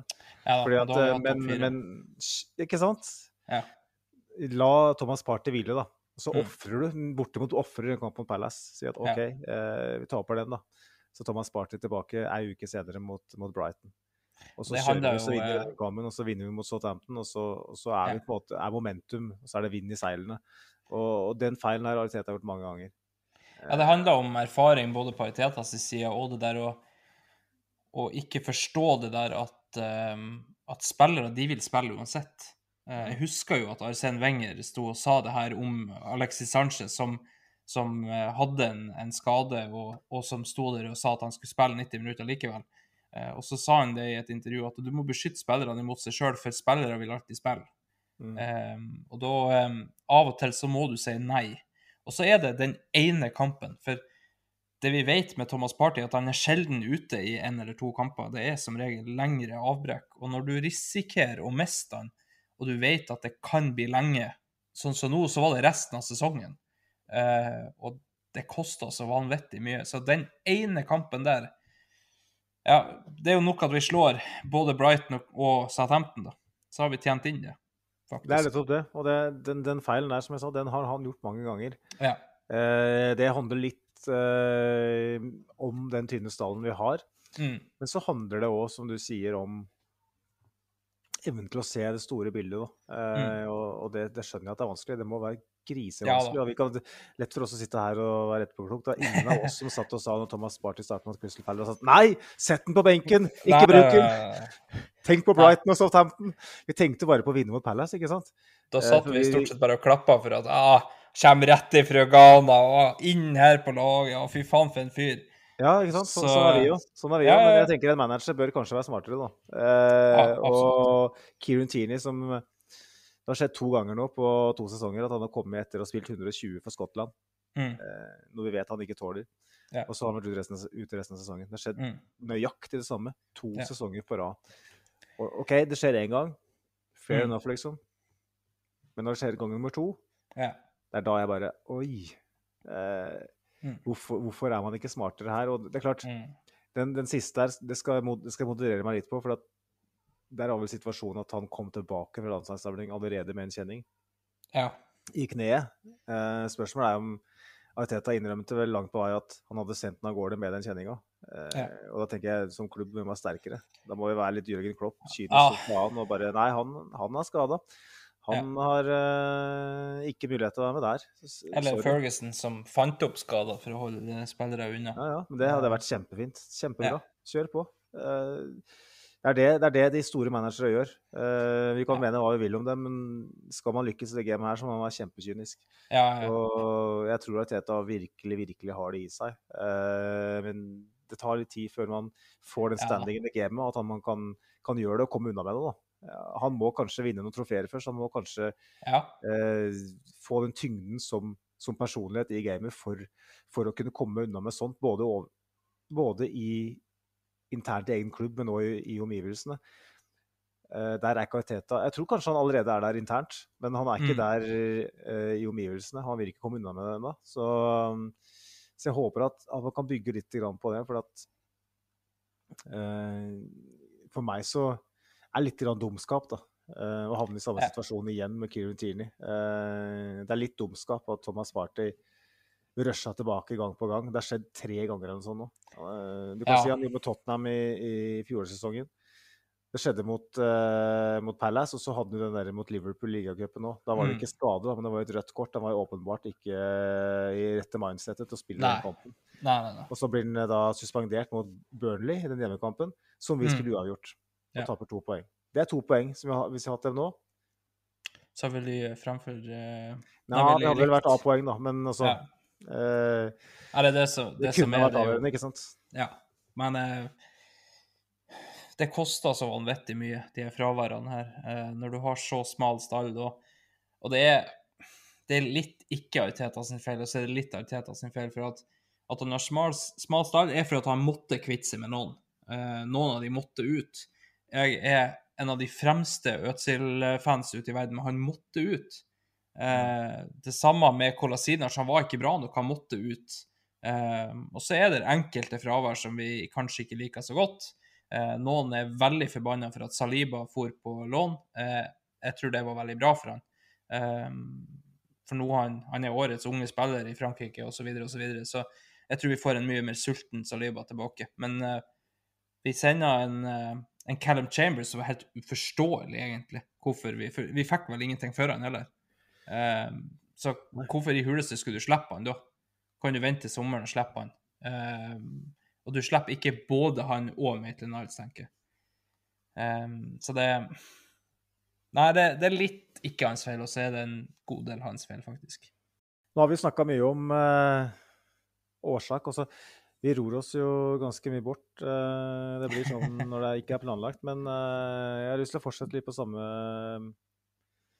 samme sporet. Eh, Newcastle-kampen den har vi snakka litt om. Og januarvinduet. Eh, tynn stall, unge spillere. Eh, men på torsdag Den Mm. kampen har ikke vi snakka om i poden her engang. eh, Det hadde vi ikke tid til. Men da hadde vi en gigantisk mulighet. Um, eh, at det gikk til helvete, det, det var kanskje ikke så overraskende eh, med tanke på kvalitet på motstander osv. Og, og anledning, men eh, hvis vi først skal snakke om årsaker til at det her gikk til helvete, så føler jeg at nå igjen Det hvite flagget er oppe her, jeg vet det. Eh, men den taktiske vurderinga Arteta gjorde eh, inn i den kampen Nå har vi allerede snakka om inngang, men Tomiyasu på venstre bekk, Mm. eh, Cedric og Holding mot eh, Son og Cézignon. Det er lett å sitte her nå og tenke åh, hvorfor? Hvorfor? Fordi at jeg snakker litt om vi skal ta, ta Teta litt, for jeg syns det er litt viktig. For at vi, vi, Mm. vi, vi slo jo ring rundt den. Vi danner ring rundt den og forsvarer den. Og jeg er helt enig i at han er rett mann, men han gjorde det mot Villarreal i, Villarreal i fjor òg. Han følte Ja. Smith-Rose som falsk nier. Er det noe shades of Guardiola her, eller hva er det som overtenker i store anledninger? Eller hvorfor, hvorfor, hvorfor skjer det her to år på rad? Og har han råd til å gjøre det samme neste sesong i en lignende fase? Jeg føler han har gjort det her eh, opptil flere ganger. Han gjorde det når han eh, prøvde han vi ikke skal nevne mer som falsk nier imot City òg. Det var jo ikke en sånn kamp allikevel, da. Nei da, men det, det er jo en stor anledning uh, for hans del Uh, mot sin gamle arbeidsgiver osv. Um, Og jeg, jeg føler det handler så mye om Han tar ikke det enkle valget. Det der som Altså, en hel jævla fotballverden sto der og sa hva han skulle gjøre imot Tottenham, og alle var enige. Uh, og så gjør han det motsatte. Um, så jeg vet ikke om det er det der at han skal overraske, eller om man skal gjøre det de ikke forventa, eller Jeg vet ikke. Eh, men den kampen mot Tottenham, det var så jævla enkelt hva vi skulle gjøre. Eh, vi, vi skulle utpå der og forsvare oss. Eh, jeg var jo litt overraska egentlig over at han at han ikke kjørte både Cedric og Tavares, at han kjørte tre bak med Tomiyasu, White og, nei, Holding og Gabriel, Mm. når White ikke var klar. Eh, men det, det er tydelig at han stoler egentlig ikke på Tavares og Cedric samtidig, som er forståelig, begge er veldig offensive. Eh, men men, men og, vi, vi nevnte ordet arrogant eh, i stad, vel. Og, eh, og det er det som, som står igjen med store bokstaver. For når du står framfor en sånn kamp, det eneste du egentlig trenger, er uavgjort. For da er det nok at du vinner en av de to siste. Eh, og så bestemmer han seg for at City klarte ikke å spille ut Tottenham. Liverpool klarte ikke å spille ut Tottenham, men det får vi til. Eh, Mm. Og det, for meg, så er det Det var der det gikk galt mot Villar- Villarreal i fjor, og, og det er der topp fire ryker for oss for alvor eh, i år. For eh, det, er klart det psykologiske etter å ha tapt et, et Nord-London-derby og tapt et 3-0, eh, ikke vært noe spesielt i nærheten. Altså, han, Teta prøvde å snu det etterpå til at det var dommerne sin feil i det hele tatt, men, men det er kampplanen sin feil. Vi legger jo opp til til å tape den kampen der. Vi gjorde egentlig det samme som du advarte mot i episoden deres eh, sist, om at Everton eh, og Lampard bretta ned buksa og stilte seg på alle fire, og det var det vi òg gjorde. Vi, eh, Tottenham vil én ting, det er at du skal angripe dem, sånn at de kan ta deg. Og, eh, og det gjorde vi òg. Men eh, ja, jeg vet ikke hva du tenker om det. Nei, altså jeg, Det var nok ikke helt Lampard, for så vidt, men jeg, jeg, den, den manøveren med å kjøre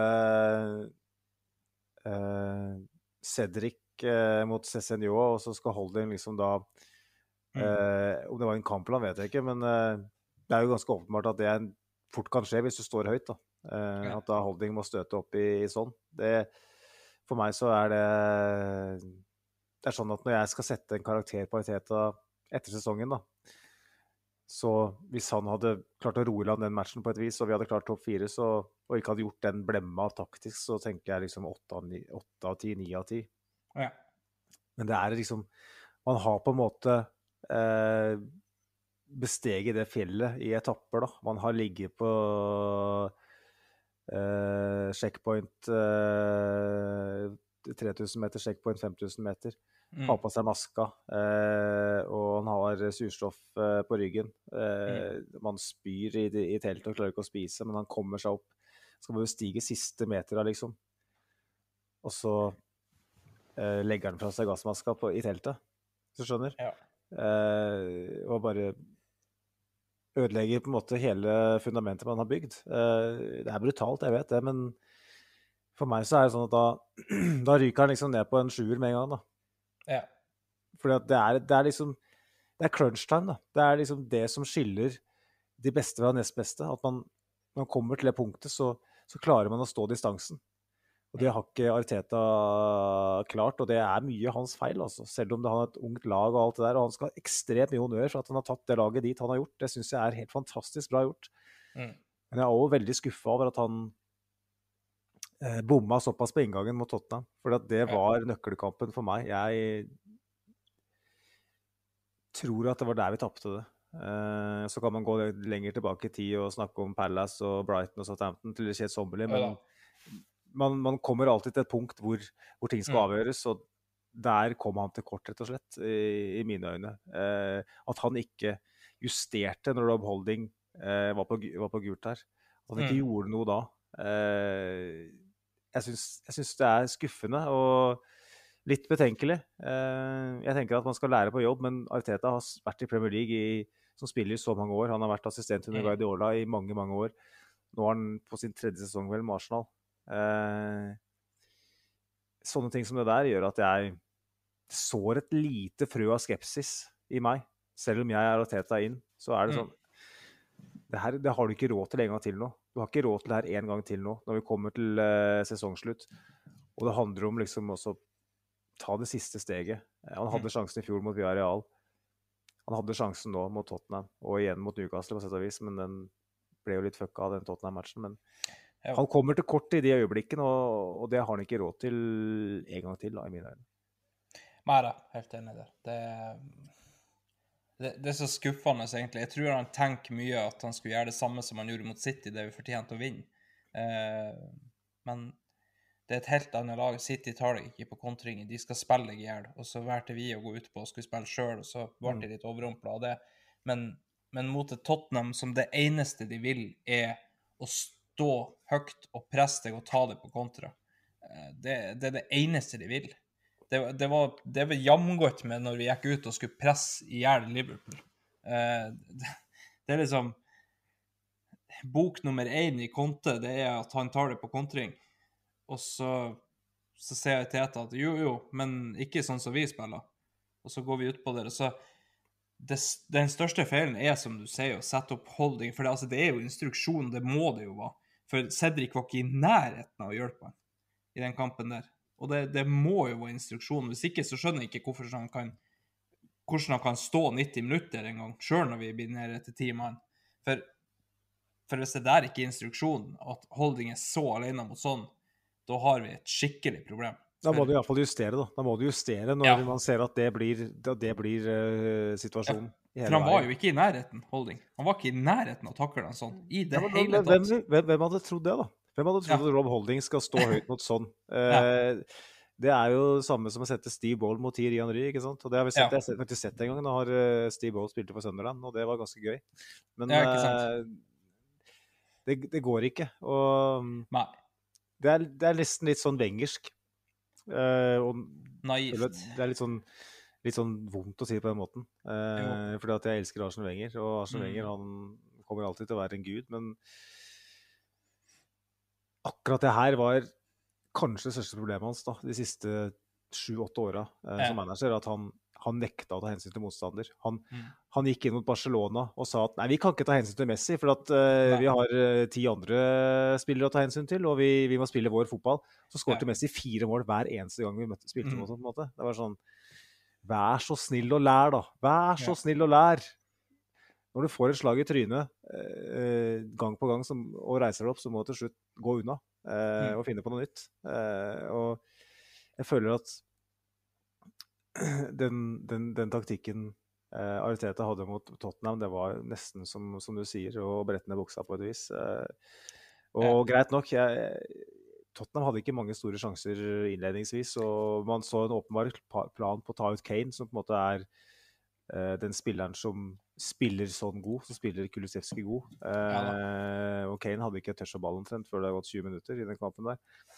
Men eh, når man ser at, eh, at Holding er i så store problemer, da må man Ja. ta grep. Jeg skjønner at det koker der, og kanskje han ikke hadde anledning til det. Jeg skal ikke, eh, skal ikke sitte her som noe sånn uh, ypperste prest, men eh, det føltes for meg som det var øyeblikket som kosta oss Ja. topp fire, rett og slett. Ja, altså, må vi ta ut Cezinio? Må vi ta ut Må vi ha to mann på Kane? For det var jo egentlig det vi hadde. Eh, vi kjørte El Neni som vi sånn bikkje frem og tilbake, og så skulle Sjaka og, eh, og um, Gabriel ta ut i pasnings... uh, pasningslanesen til Kane. Um, og så skulle Tomiyasu eh, fikse Kulisevskij på andre sida, og det gjorde han jo mesterlig, så klart. Mm. Um, men Altså, når du ser For sånn er Han er kjempesmart. Han, han er vanvittig smart. Han er en Han- asiatisk Ruth van Nistelrooy. Ja, han, han skjønte med en gang at her har ikke Holding noe annet våpen enn å gå hardt i kroppen. Eh, og så er sånn er kynisk, og den der albuen som han kasta ut og alt det der, vi, vi kan snakke det til døde, men det blir ikke gitt. Og det er Teta sin jobb å se at det her går dårlig. Eh, og da må han si hei, hei, hei, Cedric, Cedric, hjelp Holding. For det her går ikke. Eller altså El Neni, eller uansett, få noen til å hjelpe Rob Eller flytt Tomiyasu over til høyre, da. Ja. Med en gang bare ta grep. For at alle skjønte at den kampen kom til å bli avgjort her hvis ikke det Ja. ble tatt grep. Ja, Vi, vi, sa det, vi sa det når jeg og du snakka før den kampen, at eh, vi er nøyd å ha Tomiyasu på sånn. For det er deres beste spiller, og det er vår beste én-mot-én-forsvarer. Mm. Uh, så hver dag å sette opp en, eh, en ikke veldig rask og uh, litt for mye fysisk stopper. Og det var tydelig at Holding hadde noe bevis i den kampen der.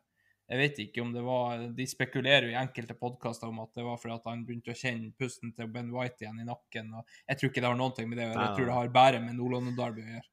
Eh, og så føler han at han sånn er så mye bedre enn han. Eh, og da, det eneste han kan gjøre, er å gjøre som han gjorde imot eh, Diego Costa. Bare var stor og sterk og ta han. Men eh, sånn er smart nok til at det ender i rødt kort, og det burde Teta sett.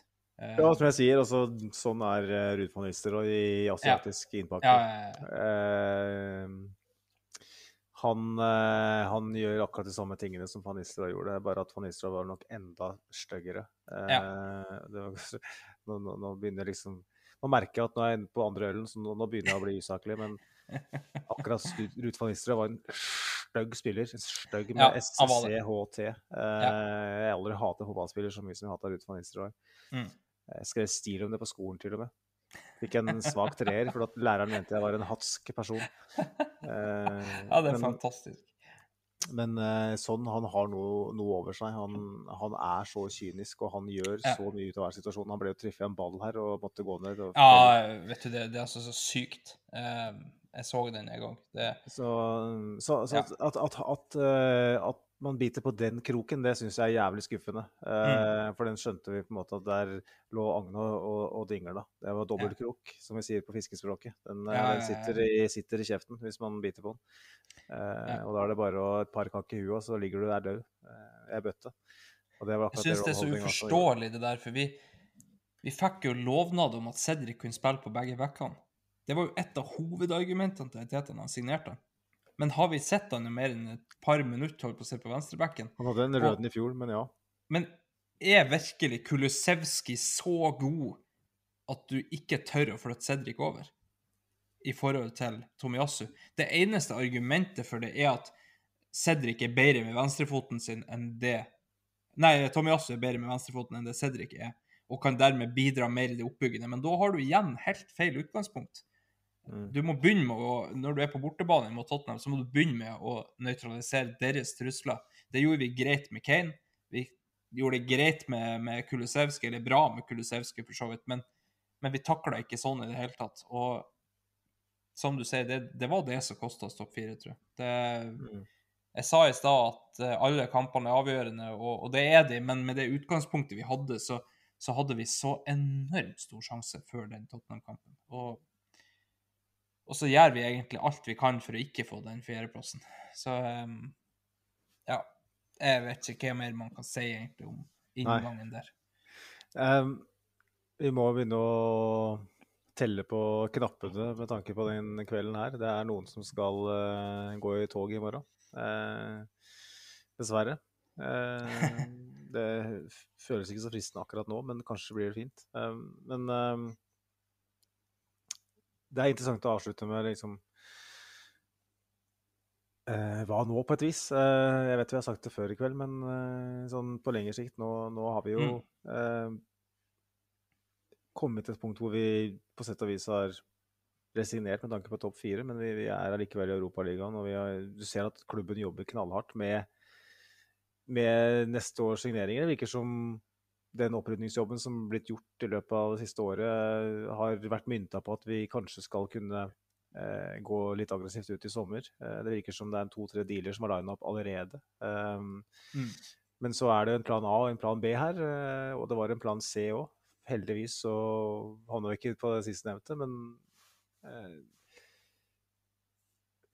hva hva tror du eh, Arsenal eh, er forhindra i å gjøre da, når man ikke kommer til Champions League? Tror du, tror du at en Gabriel eh, Jesus eller en Juri Tilemans kanskje tenker seg om en ekstra gang når han ser den kampen her i dag og ser at Arsenal gir opp? Eller tror du at den planen vi har er såpass skuddsikker at vi er i rute? Vi skal bare eh, fortsette å hente de spillerne vi har øremerka. Og OK, vi må spille Europaligaen, men vi skal bare fortsette i samme tralten, for vi er i rute. Hva, hva tror du? Ja, jeg leste jo om Juri Tilemans at han ville til en Champions League-klubb. Så spørsmålet er det Champions League-klubb ute der etter han. Det er jo en helt annen sak. Og i Leicester får han ikke europeisk fotball, så eh, det kan jo hende at det er nok. Men eh, det virker jo som Gabriel Jesus er mer eller mindre klar. Jeg tror han er interessert i å få spilletid, punktum. Eh, for han skjønner det at med Haaland inn døren der, så er det null. Um, og han kommer ikke til å være en viktig brikke der. Så, um, men jeg tror kanskje det forhindrer oss i en spiss til. Um, det har vært flere rykter om, om, diverse andre, men en Darwin Nunes f.eks., hvorfor skal han gå til en, en Europa League-klubb når han kan spille mm. Champions League enten der han er, eller gå til en enda større klubb? og, og det tror jeg blir, blir forskjellen på Og så er det jo begrensa hva vi får å bruke. Jeg vil jo tro at eierne må si stopp en eller annen gang. Um, de skal ha det. De åpna virkelig lommeboka i fjor, men er de villige til å gjøre det igjen? Um, vi får jo noe penger for å kvalifisere oss til Europa League, så klart, men, men, det er ikke i nærheten av Champions League-budsjett. Um, så har vi to dealer som vel er mer eller mindre klar nå, med, med Aaron Hickey, som kan spille både venstre- og høyreback. Gammel lagkompis av Tomiyasu i Bologna, eh, også eh, brasilianske Marquinhos, mm. som kommer fra Sao Paulo, vel. Eh, Han skal vel ikke eh, spille neste sesong sannsynligvis pga. Eh, arbeidstillatelser og litt ja. sånn? Var det det som var greia? Jeg tror det blir noe utlån og noe greier, virker det som. Eh, men, men, de er jo uansett der. Jeg vil tro at Aaron Hickey har jo null problem med å gå til Arsenal fra Bologna uansett. han er ung og, og lovende og tipper han har en dialog der med både landsmann Tierney og gammel lagkompis Tommy eh, om åssen det er, så jeg tror nok den er noe grei. Og jeg tror Gabriel Jesus kommer uansett. Eh, han har jobbet med Ariteta før og vet, eh, vet, litt hva det går i. Um, Jyri Tilemans, det spørs litt hvilke andre klubber som er der ute. Har ikke mm. sett noe annet rykte rundt han enn Arsenal, egentlig. Så det kan jo hende at han må ta til takke med Europaligaen hvis, hvis han skal gå videre så tror jeg vi skal være uh, såpass edruelige at vi, at vi ser Premier League for hva det er. Da. Uh, mm. Premier League er nok et vel så stort trekkplaster. Toppen av Premier League er et såpass stort trekkplaster, uh, kanskje større Absolutt. enn Champions League. Og det er ikke så mange klubber utenfor England som kan konkurrere på lønn og, og sånne ting. Så hvis ikke de fire lagene foran oss på tabellen, og Manchester United selvfølgelig, mm. er interessert, så så er veien til Arsenal kort. Det er, bare, det er bare noen få navn. Jeg tenker sånn jeg hadde en sånn bitte liten ønskedrøm om Frenkie de Jong. Eh, ja, United, United, har vært ute på sykkeltur og, og sånn, ja. så er vi i Champions League. Ikke sant? Et spennende, mm. spennende klubb. Jeg vet at han har uttalt tidligere at han, han har sansen for Arsenal. Eh, sånn at jeg tenkte kanskje, kanskje det er en mulighet, da, men jeg tenker når man, det, er sånt, det er et navn som forsvinner umiddelbart etter en ja. sånn eh, exit. Med Xavi inn i Barcelona i tillegg, så han vil, altså, problem, altså, Greia er at Xavi vil beholde den, men hvis Barcelona ja. får godt betalt, så er det med en økonomisk situasjon som gjør at de ja, da, det må aksepterer et bud. Da. Så mm. han til United er kanskje et hett tips, um, basert på det som blir skrevet. Uh, I hvert fall hvis Pogba går. Nettopp. Så slike navn uh, blir kanskje litt for tøft, da. Uh, den mm. situasjonen vi, vi, havner i. Og det er, det er litt litt tungt å, å, tenke på akkurat nå, eh, når man var så nær. Eh, men eh, jeg tror, som du sier, de fleste targets da, som vi har hatt, tror jeg vi skal kunne klare å, å få til uansett. Eh, og da Det må jo på en måte være en sånn, et sånn avslutningsmantra i den episoden her, Andreas, at eh, Arsenal eh, sin plan er skuddsikker sånn sett, og den kommer til å fullbyrdes. Eh, sånn som den er oppsatt. Ja. For, meg, for meg så er det nesten det verste at Tottenham er på fjerdeplassen. Det er det. Absolutt. Hadde det vært, altså Om så var at det var United som tok den, så hadde det vært sånn, ja. De var på andreplass i fjor, så fjerde i år er greit. Um, men det at vi mista det til Tottenham, er det tyngste. Um, men um, siste om det der med overganger, da. Vi så i fjor De vi henta i fjor, var ikke toppnavn. Men se hva de er i år. Mm. Vi, all, alle var negative til Ramsdale til den prisen. Han har vært fantastisk. Alle var negative til Ben White til den prisen. Han var fantastisk. Alle løfta egentlig litt på øyenbrynene med Tommy Asu. Ingen som har hørt om han. Han er Altså, med unntak av at Ødegaard har gjort så mye for klubben, er kaptein nå, så er han årets signering, mener jeg. Um, Ødegaard De fleste sto og ropa Madison. Men eh, hvem hadde bytta nå? Nei, det er ingen. Det, altså vi, vi har grunn til å tro på at uh, selv om de ikke henter de her store, store, store navnene, så, så er det grunn til optimisme. Det, um, for første gang på ganske mange år så har jeg faktisk en følelse at de, har, de vet hva de gjør for noe, de som sitter på toppen der. Um, og det, det Ja, ikke engang i, i Wenger sine år på slutten kunne vi si det. Nei, det kunne vi på ingen måte si. Bare for å si det, det- sånn. det, det, det var veldig langt unna, kunne du si. Eh, Det her Ja. er, det er veldig, veldig, veldig lenge siden at vi har hatt en sånn tillit til Mm. Jeg vet ikke, jeg vet ikke om jeg vil si klubben, men jeg vil si tillit til liksom en håndfull eh, Ikke en håndfull engang, en to-tre stykker. Eh, Ja. Eller én. Eh, Ja. Eliminerer meg ned hele veien her, men jeg, Jo, men de er, jeg har tillit til to. Arteta. De er vel to, da. Det er jo Edu og Arteta. Jeg har ikke tillit til Edu heller. Uh, Jeg har ikke tillit til at Edu skal identifisere de, de målene, men jeg har tillit til at han skal få det til. Uh, Ja. Det er enkelte klubber som er umulig å ha med å gjøre. Jeg er ganske forbanna på Juventus, uh, som eh, først snappa opp Vlaovic. Jeg vet ikke hvor seriøst det var at han noen gang skulle gå til Arsenal heller, men først snappa de opp han, og så selger de Kulusevski til Tottenham. Det er ganske kjipt. Men ja, altså eh, Det er noen klubber som er vanskelig å ha med å gjøre, så eh, resten så tror jeg faktisk han takla det ganske greit, du. Eh, han hadde godt av å, å komme ut av skyggen til Sanje, tror jeg. Og så ser vi kanskje litt mindre ut av det der eh, kompisdealene, da. Det, Ja, ja, ja, men altså Edu har nok gode kontakter i sør-amerikansk Mm. fotball og noe ellers. Men det er jo Teta som er drivkraften her. Det er han som, Ja, ja, ja. som styrer klubben, og det er derfor han fikk managertittelen såpass tidlig. Og det, det er han som er håpet. Eh, Det er han som er flammen som lyser i, i det rommet. Eh, og så har vi som klubb en retning som jeg nesten overbevist om er bortimot staket ut av han.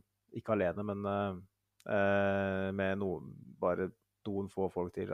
Mm, jeg, jeg har veldig troa på matchesaker og akademi og alt det der. Og. At, eh, at klubben under Artetas ledelse Om Arteta har sine mangler når det gjelder eh, erfaring eh, crunch time, altså taktiske innganger i sånne type kamper som det er, det, det, er åpenbart. Men at han er den som staker ut en god kurs for framtida, det, det er jeg ganske sikker på. Og tross hans mangler eh, og hans blemmer, da, skal si, i, i, den, i sånne faser som vi er inne i nå, så fjerner han, så fjerner du hele retningen. Ja. Du fjerner hele filosofien med det vi er i ferd med å bygge.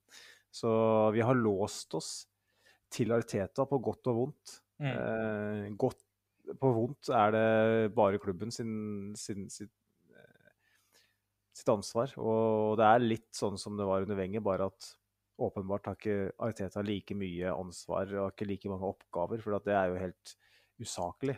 Eh, Ja. det, men, men jeg føler at innflytelsen hans er på samme nivå. Eh, ikke, ikke innflytelse i form av hva han har oppnådd enda, selvfølgelig, men innflytelse på, eh, i, i omgivelsene i klubben, i veggene i klubben, så føler jeg at Teta allerede er der. At han, Mm. han, det er han som styrer sjappa her nå. Og, Det er hans trekker plasteret, egentlig. Og han, det, han har backingen fra de som bestemmer, som er eierne, og som er styret. Sånn at eh, eh, de som sitter i, i kveld, eller i går blir det vel, eh, og sier at that's it. Det her Arteta out. De tenker liksom Men hva da, da? Ja, det er jo det store spørsmålet. De, de som sitter og skryter av Smith-Roe og Saka og Ødegaard og Ramsdale og spillere der Mm. sier at, at det er Arteta som er problemet. Hvor har de spillerne vært hvis ikke han har vært der? ikke sant? Så Ja, ja. Arteta er Jeg har lyst til å avslutte podden her eh, med litt optimisme, da. Absolutt. Eh, jeg er veldig, veldig kritisk til det som har skjedd siste uka. Eh, måten man har gitt initiativet til Tottenham. Eh, det var det var, det, var, det, var, det var svakt, rett og slett. Spesielt den Tottenham-kampen. Men hvis ikke Arteta er løsningen for denne klubben her, hva faen er løsningen da? Arteta er yeah. det by far det beste den klubben her har akkurat nå. Det er min Mm. påstand. Ja, det, det er ikke noe tvil om. Det, han er grunnen til at vi har Ødegaard i klubben, f.eks. Eh, det var jo Ødegaard veldig tydelig på.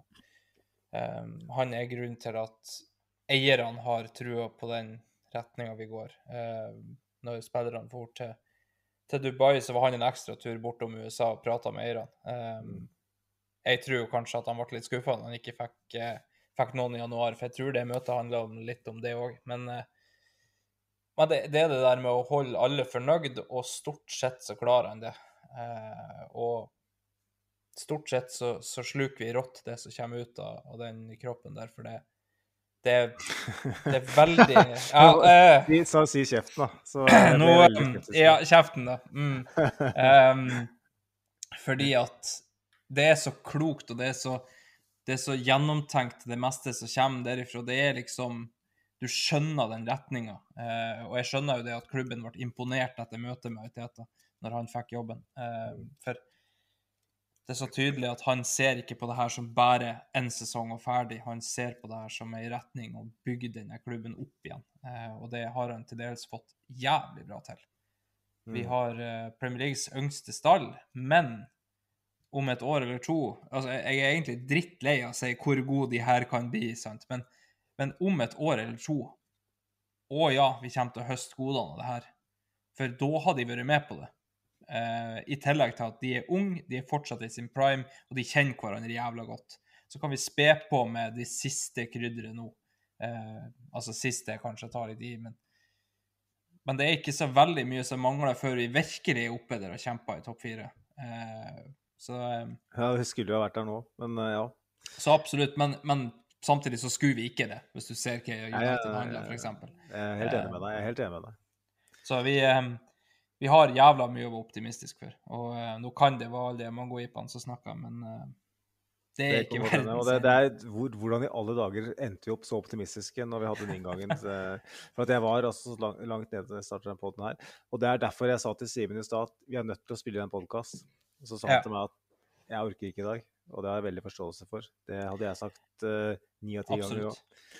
Kanskje er det de grå hårene som snakker. Eh, men jeg trengte den terapien. Jeg, jeg måtte ha den terapien. Jeg er så jævlig glad for at du ble med, Andreas. For hvis ikke så hadde jeg vært en dårlig småbarnsfar i morgen. Eh, Jo, jeg- men jeg satt her og tenkte, følte på akkurat det samme. Det der at, eh, at det her må snakkes om.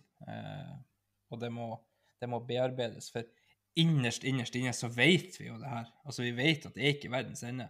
Eh, for det første, det er fotball, og av alle de uviktige tingene i verden, så er fotball det viktigste. Men det finnes mye viktigere ting. Um, Mm. Og Sjøl om det er, altså det er veldig veldig viktig, for fotball gjør ting med kroppen min som jeg ikke kan forklare på noe annet vis enn at du er fanatiker. Altså det, det, er, det er emosjoner som jeg ikke styrer sjøl, for å si det sånn. Eh, og det er det som gjør det så herlig til tider, og så jævlig til andre tider. Men, eh, så, men innerst inne så vet vi jo det her. Vi vet at vi er på rett kurs. Eh, Topp fire hadde vært å hoppe bukk over i hvert fall én sesong, kanskje to, kanskje tre. Så um, vi er on course. Vi kunne vært framfor, men vi er on course, og det kan vi jo være fornøyd med. Men i, altså, i optimismens tegn, det er ikke helt over ennå.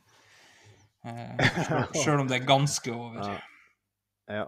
Da tenker jeg vi vi får avslutte der, Andreas. Eh, hvis vi ikke skal spy av avisen i morgen tidlig, så må vi gi oss. Eh, og Jeg tenker at vi som Arsenal-supportere, vi har eh, hatt en ganske gøy reise gjennom denne sesongen her. Og reisen er nesten over nå, og det ser ut som vi ender opp på, på økonomiklasse i stedet for business class. Og så, sånn er det. Ja, Uh, sånn er det. Men uh, vi skal uh, kose oss gjennom neste sesong òg. Og vi skal Mm. sammen. Jeg var i London nå i, for andre gang på kort tid. og det er bare det er akkurat det her vi trenger, da. Vi må, vi må være sammen. Ja. Om, det, om det er så på sosiale medier eller via en podkast eller i England, som det er, Mm. er det aller beste, så Det er det som på en måte er greia, da. Det er menneskene. Uh, og det er ikke spillere, det er, det er ikke spillere, det er ikke, det er ikke treneren. Det er, det, er, det er oss. Det er vi som Mm. er her hele veien, som på en måte er uh, hovedpulsåra i klubben. Mm. Uh, og så lenge vi kan holde sammen og, og ta sånne prater som vi har gjort nå, da, som vi er den mest rotete podkasten noensinne uten ordstyreren, så, så kommer vi oss gjennom det. Og vi er en del av et miljø og, en, og et lag og en familie som eh, gjør at det er verdt det. Selv på kvelder som det her. Som gjør at min makker, eh, min kaptein Simen, ikke engang gidder. Eh, hvor jeg kaster gjenstander i rommet og bare tenker at livet mitt er over. Skriver til kompiser at for en jævla møkkagjeng den Arsenal, eh, Arsenal er, som jeg skrev på Messenger-melding, som jeg har sletta. Jeg håper ingen ser det. For jeg mista det litt grann, eh, på 2-0. Jo. Det, det, er sånn, det, er, det er sånn som skjer med oss alle, håper jeg. Ja, eh, Og jeg håper ingen sager meg for det. Nei. Så er det sånn at Arsenal for meg eh, det, er, det er ikke bare Berkamp og Henry og Øzil og Pires. Det er det er det her som jeg sitter, Ja. som sitter sammen med deg og snakker nå. Så uh, tusen takk for at du uh, faktisk gadd det her så sent, eller så tidlig, for det blir det snart, på 17. mai. Uh, det setter jeg ekstremt stor pris på. Jo, men jeg setter veldig stor pris på å få være med. Det er like mye terapi for meg. Um, så tenker jeg jo det Nå som det er noe holdt på å si, oppskrevet og vedtatt i det hele tatt, så kan vi jo takke guttene i livet som Gunnar for meget eh, fortreffelig tjeneste. Og ikke minst for en, eh, en podkast som bana vei for oss to. Eh, for meg så var det bokstavelig. De tok meg med i en episode og, og tente en gnister som, som gjorde at jeg måtte starte. Eh, og, og det kommer til å bli et savn på øret, sjøl om vi, jeg har sagt med dem at det kan godt hende de blir huka inn som eksperthjelp av og til når det trengs. Så, men vi må jo si tusen takk for mange gode timer og, og episoder med, med bra stoff. Og så eh, Mm. skjønner vi jo det at det enkelte ting er viktigere enn eh, enn fotball. Eh, nå har Henrik blitt far, og, og det skal litt til å, å gjøre plass til absolutt alt her i livet. Eh, I tillegg til en podkast. Så eh, da må vi eh, i det her medmenneskelige nå, nå gikk du så langt ned det medmenneskelige her etter Manuel at, at uh, vi, vi, må, vi må slutte her. Skulle det være, skulle det være sirup og, og klisj-klasj, så må vi på en måte ta det helt ut. Ja. Så Eh, Jeg syns du oppsummerer godt. og Jeg må bare fra Arsenal Station sin side og bare si tusen takk til Livet som Gunnar, som har lagt de kloppene og bygd de bruene, som, Mm. og rydda de stiene som vi har uh, traska eh, i det siste for vår del de siste snart to årene. Så Mm. det har vært en inspirasjon og en, en pioner, så tusen takk til dem. Og det er nettopp det jeg sier, da. Det er de, de folka her, de som ja. gidder å lage content og skriver og lager podkaster og skriver på sosiale medier, som har en konto på et Mm. sosialt medium og bare interacter med andre fans. Det er det som, og som går på puben og drikker øl og snakker med andre fans. Det er det som er Arsenal. Ja. Så får vi bare tåle det drittet som vi får akkurat nå. Eh, fordi at vi kommer alltid til å være her. Så um, jeg håper det kan være en fin avslutning på, og en liten oppfordring til de som føler seg nede nå. At eh, tenk på hvor heldig du er som er en del av det miljøet her. Absolutt. Det er en Mm. fin familie, og eh, så klart verdens fineste familie. Eh, vi, eh, det er en, en jævla fin gjeng. Mm. som, som du ser når vi kan se på Twitter etter, etter et sånt resultat som egentlig burde være bekmørkt for samtidig, så er det fortsatt optimisme der ute. Og, og det, det er bare helt sykt. Um, så det å få lov å, å eh, For det er ikke alltid det er like artig å spille en episode, det må vi være helt ærlige om. Uh, Men uh, det gjør det verdt det når du, uh, når du faktisk hører at noen setter pris på det, og så, og så gir det deg en portal til å faktisk prate med folk. Altså, jeg hadde jo aldri i livet blitt kjent med deg, f.eks., eller Simen, eller guttene i Livet som Gunnar, hvis jeg ikke har starta podkast. Eh, eller hvis dere ikke har starta podkast, for den saks skyld. Så det gir oss eh, helt unike muligheter, og, eh, og det gjør at vi kan bli, bli en enda større del av, av den Arsenal-familien. Så vi kommer til å, Arsenal kommer til å, å gønne på videre, og vi, vi kommer til å stå i neste sesong og være like oppglødd som vi har vært denne sesongen. Og det er det som er jævla fint med det. Vi kommer til å være league two, det er det vi sier nå. Så Hele veien ned. Vi tar det til non league. Det er ikke ja, nøye. ja. Når Lee Cattermole gjør comeback i en alder av 40 på midtbanen til Arsenal, så er det sånn her, ja, ja, ja. Vi elsker Ja, ja. Ikke noe negativt å skrive. Men uh, da tenker vi avslutter, Andreas. Uh, Yes. Igjen gratulerer uh, Eller kondolerer med dagen, det kan være feil å si, men det er liksom sånn eh, gratulerer med 17. mai til alle de som hører på på nasjonaldagen. Prøv å ikke smile til Tottenham-supportere, så blir det jævlig bra. Og så Mm. må jeg bare minne om at vi er å finne på sosiale medier på atpodarsenal på Twitter, og så på Arsenal Station Pod på, på Facebook, mens eh, Andreas, som viser velvilje og stiller opp, han er på atpodarctic, er det ikke det, på, på Twitter, og på Arctic Gunnerpod på Facebook.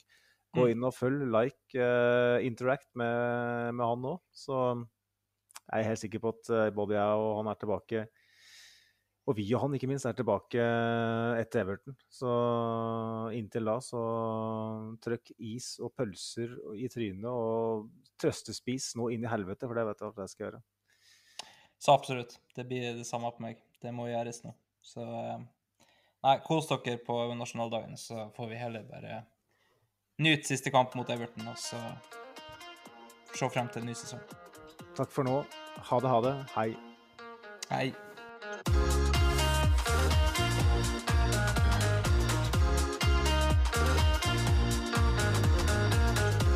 This train terminates here.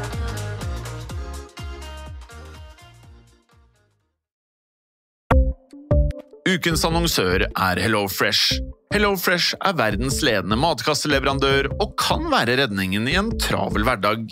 Mange av oss har nok vandret i butikken både sultne og uten en plan for middagen, som ender med at vi går for de samme kjedelige rettene gang på gang. Middag burde være dagens høydepunkt. Som HelloFresh kan du nå velge mellom 25 ulike retter hver eneste uke, eller få HelloFresh til å sette sammen menyen for deg. Dette gir deg muligheten til å prøve nye og spennende retter alene eller sammen med familien. Du velger antall porsjoner og får alt levert på døren på et tidspunkt som passer for deg. Oppskriftene er enkle, og maten er lett å lage både for store og for små. Ved å få alt levert hjem får du også mer tid til å dele matgleden med familie og venner. Kanskje det frister med asiatiske tacos eller greskinspirert kylling? Da kan jeg anbefale deg om å gå inn på hellofresh.no. Her kan du bruke koden FOTBALL og få opptil 1779 kroner i rabatt på de første fem matkastene hvis du ikke har prøvd HelloFresh tidligere. Du kan også bruke rabatten hvis du har vært kunde og stoppet abonnementet ditt for tolv måneder siden eller lengre. Gå inn på hellofresh.no og bruk koden FOTBALL. Har du et enkeltpersonforetak eller en liten bedrift? Da er du sikkert lei av å høre meg snakke om hvor enkelt det er med kvitteringer og bilag i fiken, så vi eh, gir oss her, vi. Fordi vi liker enkelt. Fiken superenkelt regnskap.